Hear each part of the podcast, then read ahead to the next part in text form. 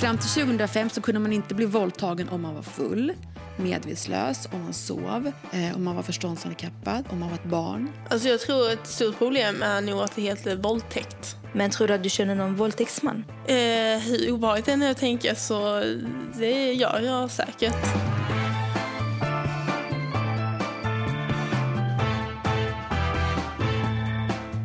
Du lyssnar på podden Honey and the Bees. Jag heter Lina Taha. Det har hänt massa med grejer i både Facebookgruppen Honey and the Bees och i podden. Så vi kommer köra ett specialavsnitt idag som kommer handla om endast eh, våldtäkt.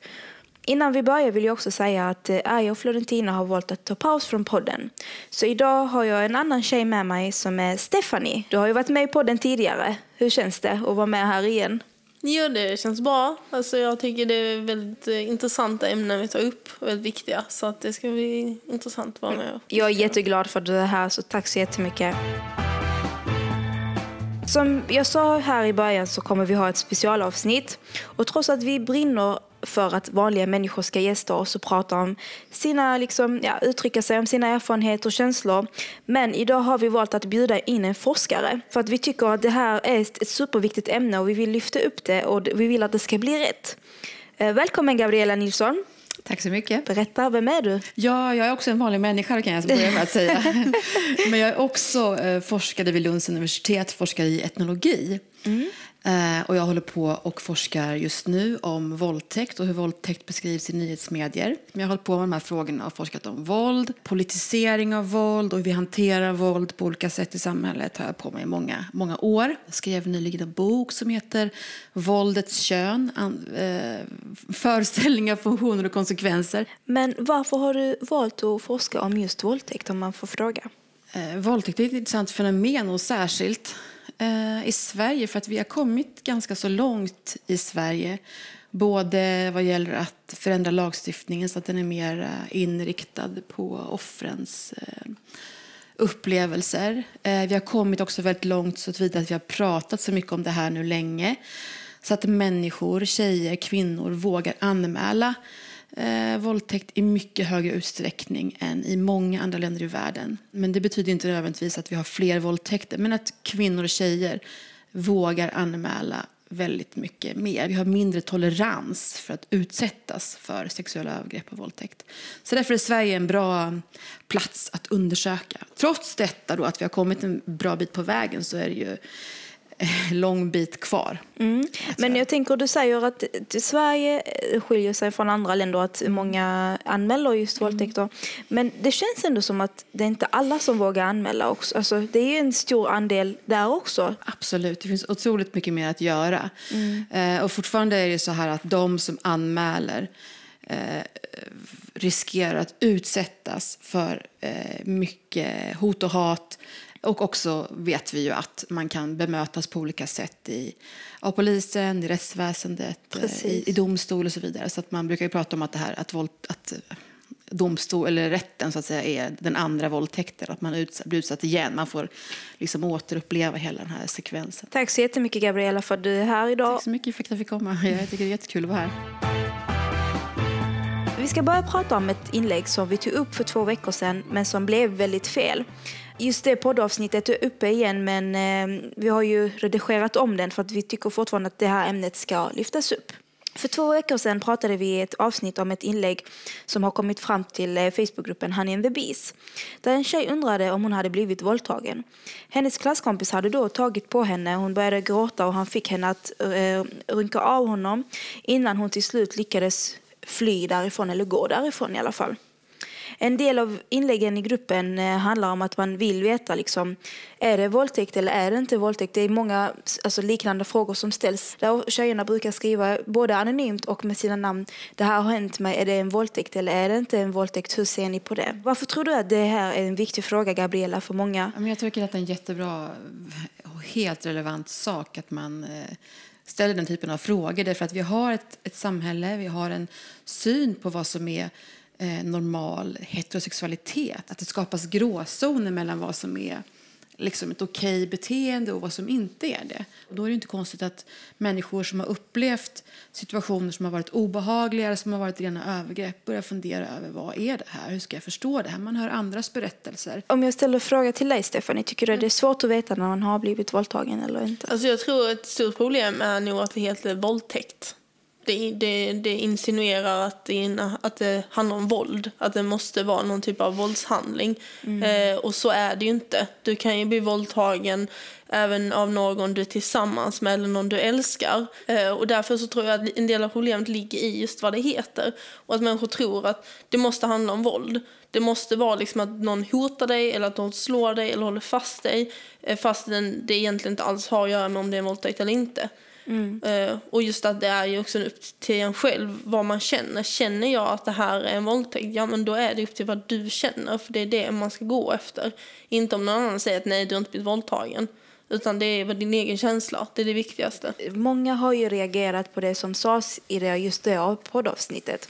Eh, Men det finns även vissa tjejer som tycker att det som sades i poddavsnittet inte var helt fel eller inte var helt orelevant. Varför tror du att det finns tjejer som tycker, inte att tjejen får skylla sig själv, men mer eller mindre att man säger liksom att att det är alla den har ett... vanligaste föreställningen vi någonsin har haft om våldtäkt i alla tider och som vi fortfarande har. Det är det första man tänker på. Så är det att, ja, men vad gjorde hon? Liksom. Det är ett sätt att skydda sig själv också. Så om man tänker att ja, men hon måste ha gjort något speciellt för att utsättas, då är man ju också tryggare själv. Sen tyckte jag faktiskt att de försökte att resonera Ja. kring det. Jag tyckte inte nödvändigtvis att det var jättehemskt det som sades, utan de försökte väl liksom lyfta lite olika perspektiv. Sen kanske det framstod som någon slags dominans för för ett synsätt, men, men om man ver- verkligen lyssnade noga så tycker jag ändå att de försökte. Liksom, att, Varför tror du att det finns det tankes... Alltså, I och med att det är ändå 2017 och vi pratar ju oftast om eh, kvinnors rättigheter och att vi ska stötta varandra och lyfta upp varandra. Hur kommer det sig att vi ändå liksom väljer killens sida om man kan säga så? Det ligger ju i hela vårt eh, patriarkala samhälle som vi har. Vi har ett samhälle där, där det är tjejers och kvinnors ansvar att att, eh, men vi, vi har byggt in det i hela sexualiteten att det är kvinnor och tjejer som ska ta ansvar för, för mäns sexualitet och för hela situationen. Men jag, jag kommer ju från en kultur där man liksom helst, eller i alla fall i min familj, helst pratar vi inte ens om ordet våldtäkt. Man lägger liksom ett lock på det. Kommer det liksom på tv, om det vill säga att vi tittar på en serie eller film då när jag var yngre hos min familj och det blir en våldtäkt så byter man kanal. Liksom. Alltså, man pratar inte om det här. Vad tror du, vad tror du konsekvenserna blir av, av en sån uppväxt? Ja, det blir att man inte ser de problemen på samma sätt. Det är självklart att desto mer man pratar om någonting, desto mer kommer upp i ljuset och därför kan man också göra någonting åt det. Pratar man inte om det, då försvinner definitivt inte problemet. Mm. Sen är det säkert så att även om man pratar om någonting så är det inte alltid att man får till en förändring. Vi har ju sett, om man tittar till exempel i eh, antalet fällande domar, trots att vi har haft en, en ökning av antalet anmälningar med över 300 procent de senaste tio, tio åren, så har vi samma antal fällande domar i Sverige idag som 1965. Så att ingenting händer ju, eller ja, jag ska inte vara deppig här, men, men det, det händer väldigt lite, eller väldigt långsamt. Tror du att det är det som gör att det fortfarande att det finns en andel som inte vågar anmäla för de vet att det inte kommer hända någonting? Ja, det tror jag absolut. Jag tror att eh, rätten har ett jättestort ansvar här. Nu har ju hänt ganska mycket inom polisen. Polisen har ju fått ganska mycket kunskap om det här. De vet hur man ska utreda. De vet hur man ska gå tillväga när man får in en anmälan. Men det som är det, där, där det tar stopp, om jag nu ska vara- vara kritisk, så är det ju i, i rättsväsendet. Det är svårt, jättesvårt att döma för våldtäkt. Just därför att våldtäkt är ett uppsåtsbrott. Det vill säga den som utför en våldtäkt måste så att säga veta om att den har våldtagit. Och det tror jag som är knäckfrågan. Eh, därför att man kan alltid säga nej men jag trodde att hon ville. Precis som i det här fallet som ni hade. Eh, att de här tjejerna som diskuterade då tänkte att ja men hur ska han kunna veta eh, att, att hon inte ville eller- och så vidare. Och det är ju alltid ett argument som man kan lyfta fram i rätten. Nej men jag visste inte att hon inte ville. Alltså varför tror fortfarande människor liksom under 2017 att man måste säga nej för att visa att man inte vill? Räcker det liksom inte med kroppsspråk? Jag menar den här tjejen som vi pratade om just i det inlägget hade ju visat klart och tydligt att hon gråter. Och det är ett tecken på att man kanske inte är med på det här men man inte vågar och hamnar i det här freeze-läget ju. Att man, Men man kan ju tycka att det skulle vara så, eller det är det som folk i allmänhet tycker. Men det är ju inte så, rätts, eller det är inte så lagstiftningen är konstruerad.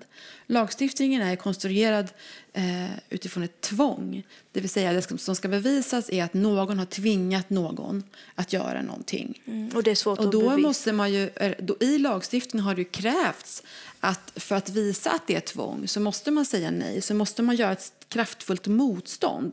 Gärna ett fysiskt motstånd genom att liksom slå tillbaka och så vidare. Det har ju liksom legat också, eller det ligger fortfarande i lagtexten att det är så man ska reagera. Och därför blir det här fristillståndet särskilt problematiskt. För att om ett våldtäktsoffer då eh, reagerar med, med, att frysa så blir det helt kontraproduktivt mot vad man måste kunna uppvisa för beteende för att det ska gälla sen i rätten. Det är som du säger Stefan, en våldtäkt det låter liksom att det måste ske liksom någon viss... Det låter väldigt våldsamt. Ja, alltså, som att det det är någonting som bara så här, kaos. Ända fram till 2005, no, var kanske inte ni, jo det var ni, ni var födda då. Ja, så unga är vi inte, Gabriella. Eh, Men eh, fram till 2005 så kunde man inte bli våldtagen om man var full, medvetslös, om man sov, eh, om man var förståndshandikappad, om man var ett barn till exempel. Så att det har ju hänt jättemycket sedan dess eh, med, med lagstiftningen. Den, förändringen 2005 är ju jätteviktig. Eh, för att innan dess så var det ju helt omöjligt att, att döma för våldtäkt. Då var det grova gruppvåldtäkter som där förövarna friades på grund av detta. Men när, vilket år var det man inte kunde bli våldtagen i ett eh, förhållande? Alltså som gifta? 1965. Ja, det Så var det är det. också väldigt sent. Ja, det var Men det är väldigt- ju ett, ett, en, en kriminalisering som i, i ett globalt perspektiv så är det ju fortfarande i många, många, Ja. många, många länder inte kriminaliserat. Det blir problematiskt därför att man, om man tror att det var en våldtäkt är något som sker med grovt våld av en okänd förövare så blir man ju antagligen både rädd men också väldigt överrumplad om det plötsligt är en klasskompis som gör något konstigt. Så det här att man fryser och, och inte gör motstånd det kan också vara liksom eh, chock men också att man är helt enkelt överrumplad och inte vet hur man ska hantera en situation. Varför tror du och det skäms. Och det finns ju massa känslor som man kan känna när en människa som man tycker om eller som bryr sig om eller man tror man känner gör något jättekonstigt eller, eller elakt. Eller, jag menar, de känslor som kommer då kan man inte riktigt förutsäga. Så därför kan man heller inte sitta och, och, och liksom, ja, men tycka att ja, men hon borde ha gjort si eller så. Därför att man, man blir överrumplad. Men hur ska vi få människor i vårt samhälle att förstå vad en våldtäkt är då? Alltså, om vi ska prata om lagstiftning så har man ju, ju kommit med ett, eh, ett förslag nu. Det har kommit med en, en ny sexualbrottsutredning som försöker vända på steken. Eh, om vi nu har en så kallad tvångslagstiftning, det vill säga där man bedömer det om det har varit ett tvång, så vill man ju ändra på det och ha en samtyckeslagstiftning som bygger på eh, där man undersöker det då om det, har varit, om det här har varit frivilligt. Har det funnits frivillighet i detta? Eh, till skillnad från då som det är nu, har det varit tvång. Och också det här som du säger, eh, att vad heter det, det här ordet våldtäkt. Jag är inte säker på att jag håller med, men i det nya förslaget så vill man ju ta bort ordet våldtäkt. Och istället, just precis av den anledningen som du säger, att man, man förknippar det här ordet våldtäkt med att ja, men det är någonting som har med våld, Våld att att göra. göra. Mm. Eh, och istället så vill man prata om en sexuell handling. Eh, få bort helt, helt enkelt det, den idén om att våldtäkt är detta och istället visa på att ja, men en våld, eller ja, ja, vad man nu vill, väljer att kalla men en våldtäkt är då eh, en situation när det inte har funnits en frivillighet och en ömsesidighet. Sen, var det no, sen är det ju många som säger ja, men vad ska, hur, ska man då, hur, ska man, eh, hur ska rätten bedöma det här? Ska, ska det liksom krävas något skriftligt intyg eller sådär för att, man ska, för att det ska vara okej att ha, ha sex? Liksom? Och så är ju inte heller tanken. Det är ju inte så att man måste så här, eh, vill du ha sex? Ja, det vill jag. Det är inte så det ska gå till heller. Utan det här, som de skriver i utredningen, eh, man ska visa att man vill vara med genom, hand, genom ord eller handling. Alltså som ett normalt samlag går till, åtminstone i min erfarenhet av det, att man vet eh, om den andra vill eller inte. Och är man misstänksam eh, eller inte riktigt säker på om den andra vet, till exempel om den andra ligger stel som en pinne och gråter, då vill man ju också införa ett eh, ett ansvars, ett oaktsamhetsansvar i det här förslaget. Det vill säga att den som är med om en sån här situation, det ligger en stel tjej och gråter och ändå fortsätter, då är det dens ansvar att man borde ha förstått att hon faktiskt inte vill. Och det tror jag också är en, eh, en bra grej. Eftersom vi har dig idag, Gabriella, som är expert på ämnet så eh, tycker jag att vi ska fortsätta prata om sexuella övergrepp och våldtäkter. Vi har ju kunnat se många inlägg under veckan som har handlat om våldtäkter och inte minst på grund av eh, gruppvåldtäkten som skedde i Uppsala eh, som sändes live på Facebook. Men jag såg också att det fanns ett annat inlägg där man diskuterade en kurator har uppmanat eh, en tjej i skolan att vänta med en anmälan på eh, en våldtäkt som har skett i skolan. Jag vet inte riktigt, men det känns som att den här kuratorn verkar uppleva frågorna som skulle komma från polisen som jobbiga. Och rektorn verkar inte heller eh, vilja ta ansvar och säger att de inte har någon skyldighet att anmäla detta till polisen. Mm. Hur känner du, eller socialen också för den delen? Hur, alltså, det här för mig låter det sjukt och när jag såg det här så tänkte jag finns det verkligen skolor där kuratorn inte uppmanar tjejerna att inte anmäla en våldtäkt och att rektorn inte vill ta ansvar i det här?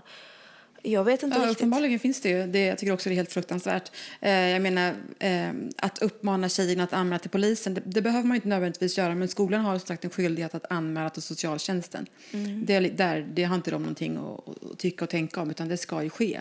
Sen kan, kan det vara upp till socialtjänsten att, att agera utifrån eh, därefter och se hur man ska göra. Man kan ju inte tvinga någon att anmäla.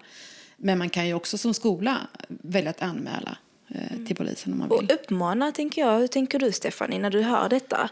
Eller när alltså, du läser, har du läst detta inlägget? Ja, du läser. jag har läst det och jag var, som blivande lärare känner jag bara så här att eh, så här får det absolut inte gå till på en skola.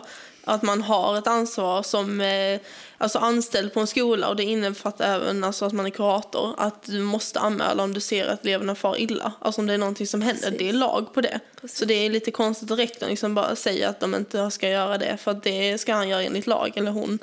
Men problemet i det här fallet, nu var det ju som jag förstod det att kuratorn hade sagt att det kunde vara jobbigt för den här tjejen eller skadligt, hon mådde dåligt och att det var förklaringen.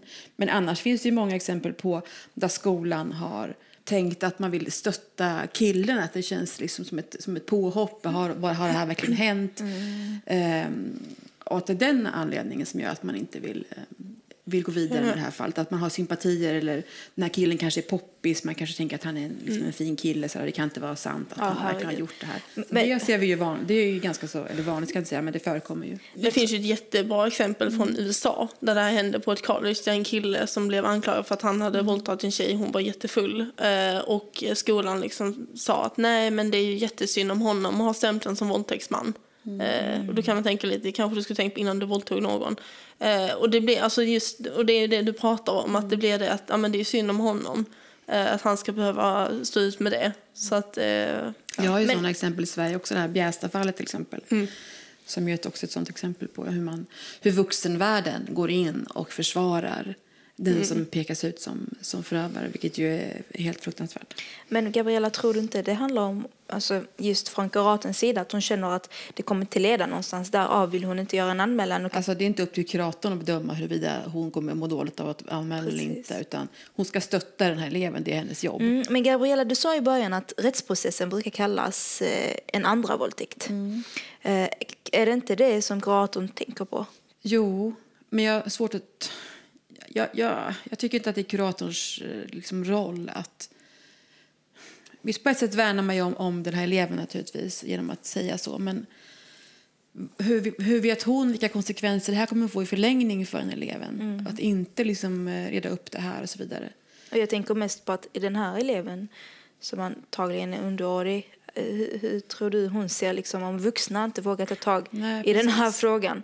Hur kommer precis. hon liksom, hon kanske blir våldtagen flera gånger men hon kommer inte våga agera. För att, och hur kommer killen agera i fortsättningen? det är precis. det också. Vi pratar väldigt mycket om tjejer och hur de ska tänka och tycka. Men vad, vad sätter vi för krav på killarna? Hur, vad, är det för, vad är det för några signaler vi sänder ut till dem? Mm. Att aldrig, aldrig, aldrig någonsin anmäls, aldrig någonsin blir några fällande domar. Uh, Stefan, tror du det finns många i din närhet som inte har anmält våldtäkter?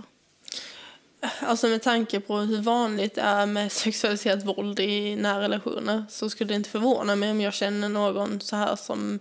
Jag har en kompis som jag vet blivit utsatt, liksom, inte tvunget för våldtäkt men alltså misshandlad i relation. Liksom. Och det finns säkert många fler jag känner som inte berättar det.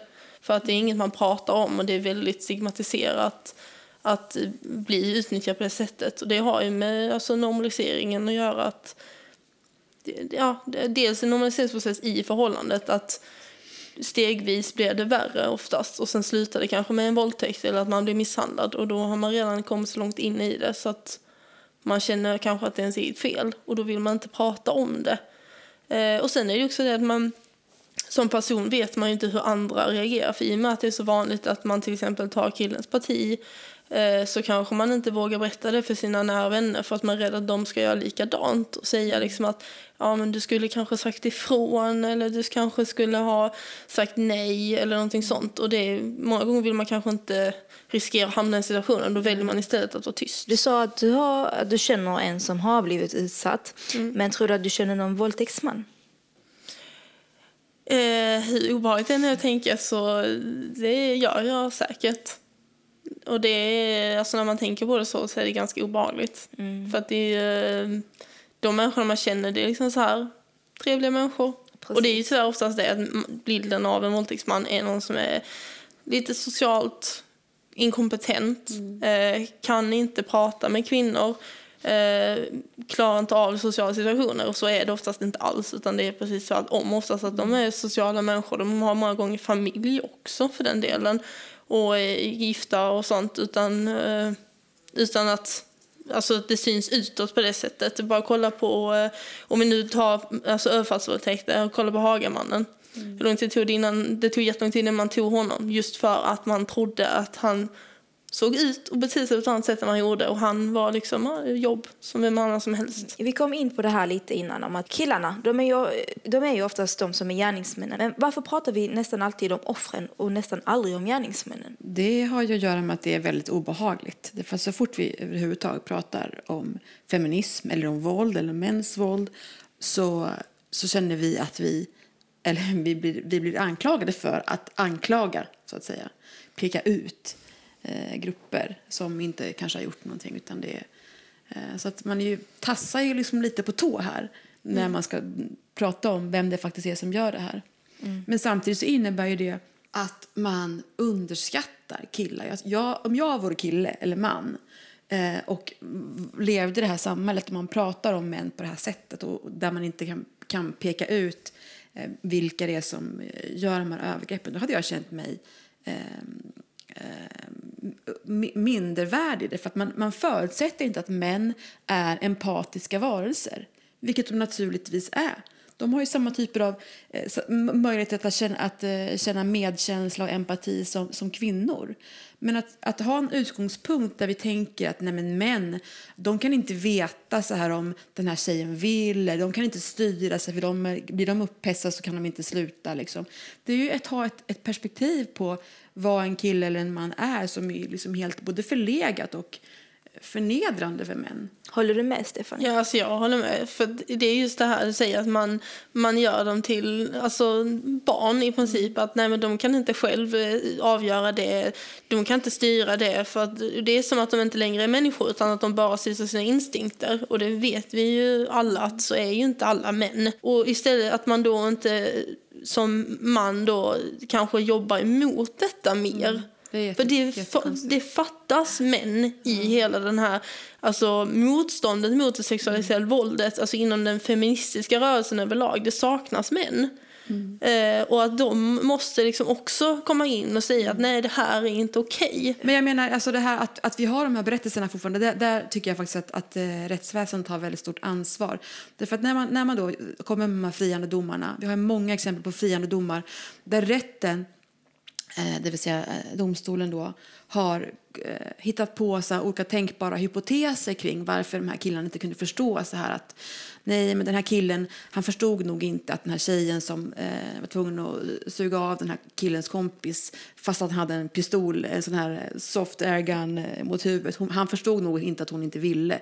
Alltså den typen av hypoteser som är helt orimliga. Om man hade ett perspektiv på män som empatiska, medkännande varelser som alla andra så hade man inte kommit med den typen av konstiga slutsatser i rätten. Det finns ju otaliga sådana exempel på på domslut där man kan läsa om den här typen av, ja men han kunde nog inte förstå att hon inte ville trots att hon eh, var inlåst i ett mörkt rum med sex människor. Eller, mm. Men Gabriella, det som hände nu i helgen, det här med att eh, gruppvåldtäkten som eh, sändes live på Facebookgrupp på en av Sveriges största mm. Facebookgrupper. Eh, när jag såg den här nyheten så tänkte jag faktiskt på dig för jag visste att du skulle gästa oss nu i efterhand. Och jag måste ställa den frågan, alltså, vad, vad tror du att det är som, vad är det som gör att det är som att killar saknas kamp. Alltså att det går så här och att man sänder live och man är medveten om det. Mm, jag förstår, alltså det, det är hur lågt Alltså hur lågt kommer människor att sjunka? Tänker Nej, men det tycker jag också är ett, ett väldigt symptomatiskt exempel på att för det första att man inte bryr sig, att man inte, man inte känner med den här personen. Ja. Man har avpersonifierat den här personen. Det är ett objekt som man tycker att man kan ha, göra Precis. vad man vill. Man har en väldigt negativ syn på, på kvinnor i allmänhet och i synnerhet på den här personen. Men det här att man sänder live, alltså det måste ju ha att göra med att man inte tror att man kan komma åka dit. Mm. Alltså nu vill inte jag vara jätte, och nu låter jag som en jättenegativ person. Naturligtvis måste man ändå ha tilltro till, till rättsväsendet. Eh, men att, att de här killarna tror att de kommer undan har ju helt enkelt eller det, det, det, måste det ha att göra med att man, man, man vet att det är så lätt att komma undan med våldtäkt. Stefanie, du berättade för vår producent att du tänkte att nu bryr sig alla om filmen men ingen om att hon faktiskt har blivit våldtagen. Mm. Mm. Ja men alltså det här med att många människor väldigt upprörda över att de har sänt det live. Istället för att fokusera på det faktum att hon faktiskt har blivit mm. våldtagen. Det tänkte jag också på när ja. jag läste kommentarer. Varför, mm. för flera som sa att ja, men varför sänder de live just? Mm. Men det var väl Ja, precis. Poängen är ju att de våldtar de... någon. Liksom. Eh, och det är just det som är så tråkigt att det har blivit så normaliserat på ett sätt. Liksom, att det det folk jag... blir våldtagna, ja, men varför ska de sända det live? Och då blir man så här, fast det är inte poängen. Vi kör inget skönhetstips idag, men vi vill ju att flera av er ska, som lyssnar på oss ska höras i podden. Hör av er till Madeleine HB producent Nilsson på Facebook och kontakta oss om vad det finns för andra viktiga ämnen som ni vill att vi ska diskutera. Och det går ju även att skicka in anonyma inlägg direkt till Madeleine om ni vill att vi ska prata om någonting, liksom, något speciellt problem. Tack Gabriella och Stephanie för att ni var här och för att ni ville dela med er av er kunskap kring det här ämnet. Eh, har ni någonting som ni vill avsluta med kanske?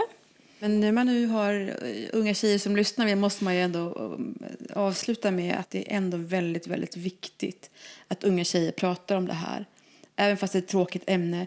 Eh, så tjata, tjata, tjata, anmäl, kräv av vuxenvärlden att lyssna, prata med varandra. Det är för att det mer man pratar om någonting desto, till slut så, så tvingar man fram eh, en förändring. Och det har kommit ganska långt med att börja prata, eh, men man kan komma längre. Så att unga, tjejerna måste, unga tjejer måste fortsätta prata. Och framför allt, alltså om, det är liksom, om det är någon som lyssnar som någonsin har blivit utsatt för någonting eller tror att de är utsatt för någonting, det är aldrig ert fel. Oavsett alltså, vad det är, om ni känner att det är en våldtäkt eller sexuellt ofredande, det är aldrig ert fel. Det är det viktigaste. Det är den andra personen som har gjort fel. Tack så mycket och tack för att du har lyssnat på vår eh, poddavsnitt som har handlat om våldtäkt. Hej då! Honey and the Beast-podden produceras av produktionsbolaget Munk.